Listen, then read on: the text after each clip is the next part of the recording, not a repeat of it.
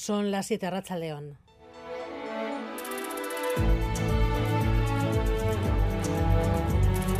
Gambara con Arancha García.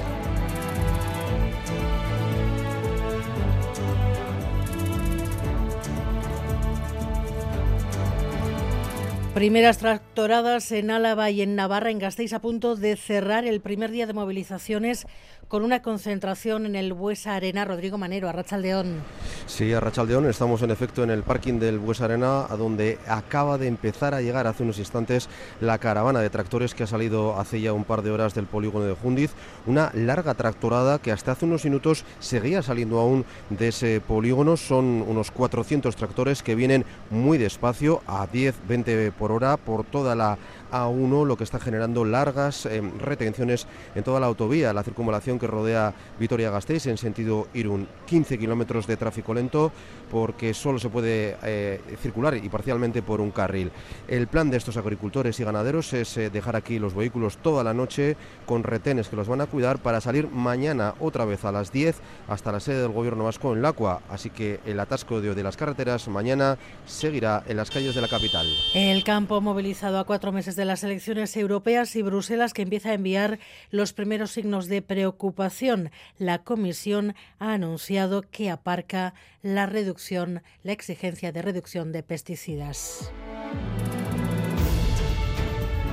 El acuerdo en la concertada llegó de madrugada. Hoy lo han ratificado las asambleas.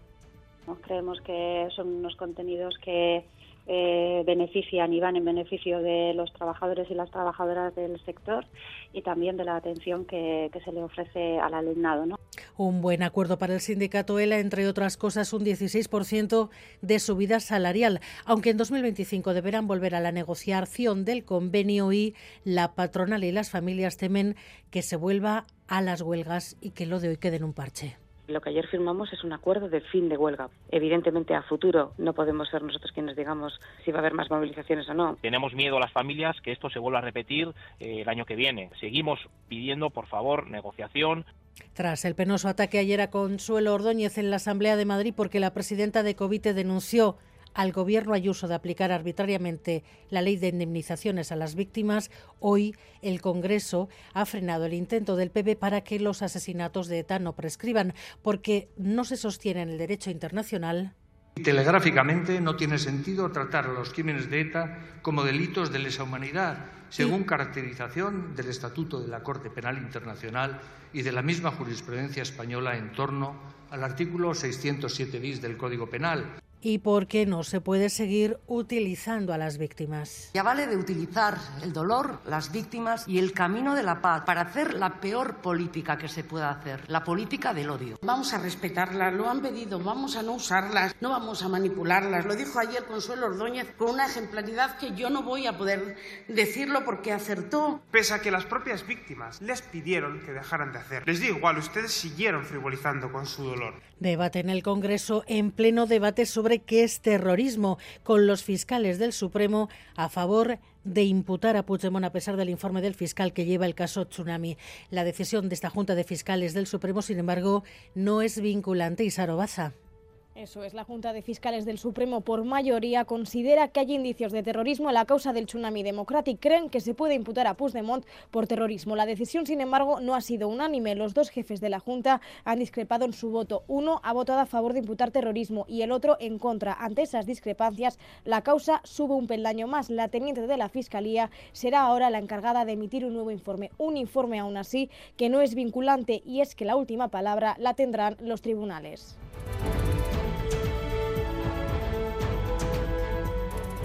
En Tolosa, séptima denuncia contra el osteópata acusado de agredir en su consulta a otras seis mujeres. La semana pasada el juez ordenó su ingreso en prisión provisional.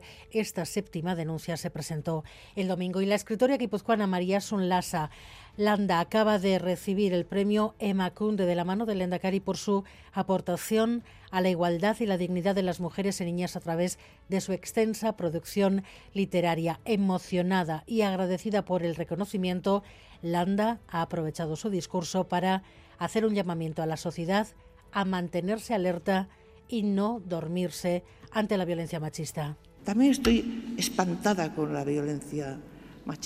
Y como estoy poniendo cada vez más negra, lo que sí reivindico es un poco euskeraz esaten dugu bezala erne egotea, ez da? Erne egotea, ze gertatzen da, nun dago gure lekua, gure duintasuna emakume bezala, defenditu, lortu deuna, aurrera jo, ez eseritzea eta plof eta lo egin. Y vuelven los problemas a algunos comedores escolares tras la rescisión del contrato a Ser Unión, uno de los colegios en los que se han detectado pequeños bichitos en la comida, la escuela Gandasegui de Galdacao.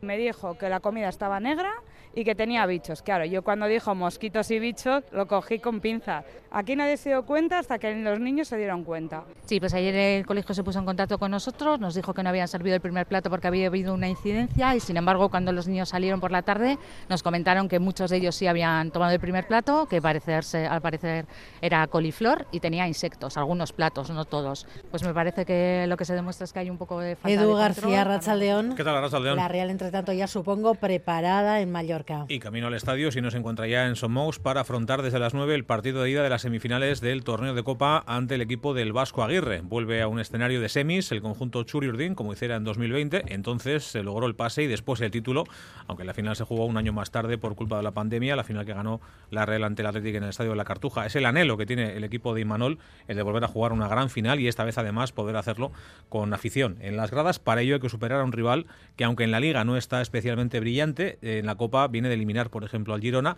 y sobre todo afronta el torneo sin presión o con presión de la buena, porque al final para ellos también es un premio poder meterse en una final de, Copa. La ida se juega hoy a partir de las 9, la vuelta se jugará el día 27 de febrero en el Real Arena. Estaremos pendientes de las 9 menos cuarto aquí en Quirol Festa de ese partido que también se podrá seguir en directo a través de Euskal Televista desde las 9. Hoy la Real y mañana el Athletic en el Metropolitano ante el Atlético de Madrid, de momento con la duda en torno al estado de físico de Nico Williams. Se acabó lesionado el partido ante el Almería del pasado eh, ante el Mallorca, perdón, del pasado viernes y eh, todavía no sabemos si va a estar o no, aunque entendemos que convocado sí, si estará o no para jugar mañana a partir de las nueve y media en Madrid. También mañana tenemos cita con la Copa de la Reina Femenina, cuartos de final en Lezama a las seis y media jugará el Atlético contra el Tenerife, buscando al igual que el año pasado el pase a las semis. Pero lo que ocupa hoy es lo de la Real, a las nueve la cita en Somos para jugar la ida de las semis de Copa ante el Mallorca. Desde las 9 menos cuarto aquí en Radio Euskadi y a partir de las 9 y media también en ETV1. De las 9. El partido comienza a las 9. A partir de las 9 en directo en Euskal Televista. Mañana a las 9 y media será cuando juegue el Athletic. En ese caso sí, 9 y media contra el Atlético de Madrid.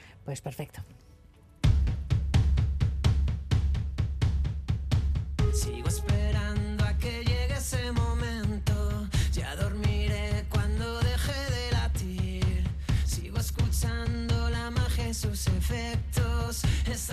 Drones, dardos tranquilizantes, decenas de policías movilizados, todo para capturar un mono, John Fernández Moro. Y les ha costado. Un mono de Gibraltar que ha cruzado la frontera y ha causado el caos durante toda la mañana en la localidad de la Línea de la Concepción. De tejado en tejado, huyendo de todo aquel que trataba de atraparlo. Qué lástima, está asustado. Asustado se le ve en los numerosos vídeos que circulan por redes sociales. El primate fugado de salto en salto ha acabado en el Instituto Virgen de la Esperanza.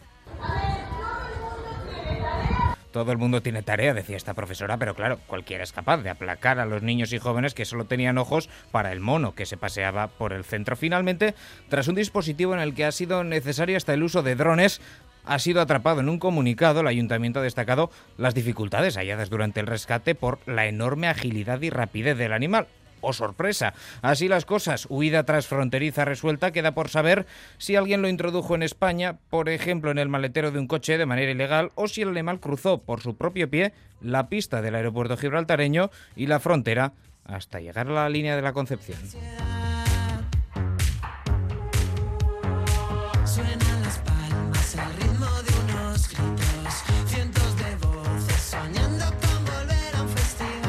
Miguel Ortiz y Alberto Sobel ya están en la dirección técnica, Cristina Vázquez en la producción.